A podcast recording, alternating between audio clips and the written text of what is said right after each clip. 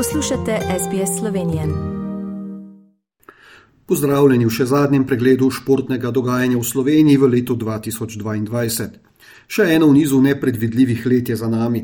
Upajmo, da smo v arhiv pospremili COVID in da bomo v letu 2023 tudi žalostno dogajanje v Ukrajini, ki tako in drugače vpliva na čas, ki ga živimo.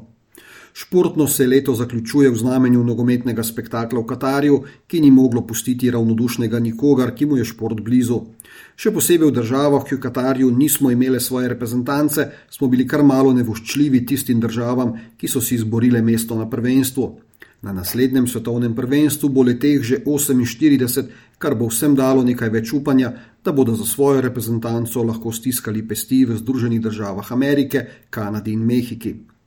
Pri nas smo v decembru, razumljivo, poleg nogometnega dogajanja v Katarju, pozorno spremljali tudi tekme svetovnega pokala v smučarskih disciplinah. Letos izjemni smučarski skakalec Anžela Nišek ne popušča. V Engelbergu je še tretjič letos zmagal, kar je sicer njegova četrta zmaga v svetovnem pokalu v karieri. Zelo dober deveti je bil na tekmi Timi Zajc, prav tako odličen pa tudi Žiga Jeler, ki je bil dvanajsti. Na istem prizorišču je Lanišek dan predtem tudi na tekmi svetovnega pokala osvojil tretje mesto, Lauro Kos je bil enajsti, Jelar pa trinajsti.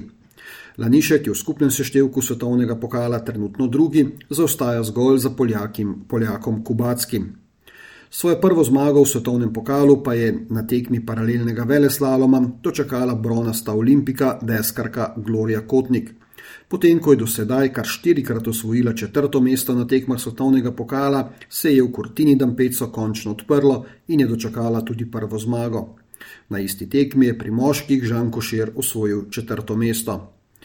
Alpska smočarka Ilka Štuhec pa je na smuku za svetovni pokal v San Moricu osvojila odlično drugo mesto, kar je bila njena prva uvrstitev na zmagovalne stopničke po letu 2019 in skupno že 18. uvrstitev med prve tri v karieri.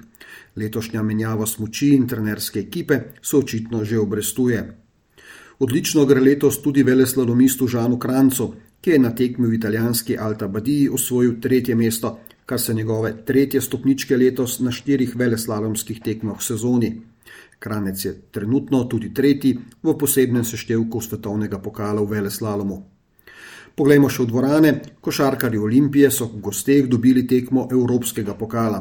Čeprav je to, to šele njihova druga zmaga v devetih tekmah, so v Franciji presenetili vodilno ekipo do sedaj Burg ter jim prizanesli tretji letošnji poraz. Ljubljančani nadaljujejo zmagami v Vedranski ligi, Zadnjo so zabeležili v Črni gori pri proti ekipi Derbija iz Podgorice in so s tekmo manj na četrtem mestu z le dvema porazoma in osmimi zmagami. Za konec pa še razglasitvi športnikov Slovenije za leto 2022, ki so jih izbrali športni novinari. Med moškimi je naslov najboljšega osvojil atlet Kristjan Čeh, letošnji svetovni prvak v metu diska.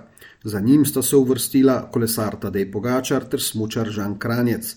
Pri dekletih je naziv športnice leta osvojila zlata olimpika, smočarka skakavka Urša Bogataj, sledila pa sta ji Janja Garmbred in še ena skakavka Nika Križnar. Za najboljšo ekipo je bila izbrana mešana skakalna ekipa Bogataj, Križnar, Prevc in Zajc, ki so osvojili zlato medaljo na olimpijskih igrah v Pekingu na tekmi mešanih ekip.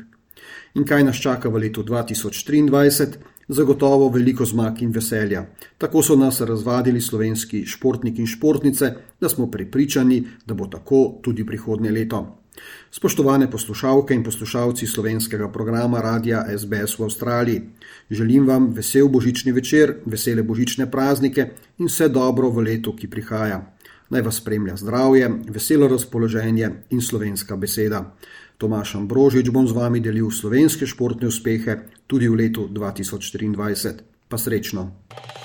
Želite slišati sorodne zgodbe? Prisluhnite jim preko Apple ali Google podcasta, preko aplikacije Spotify ali kjerkoli drugje.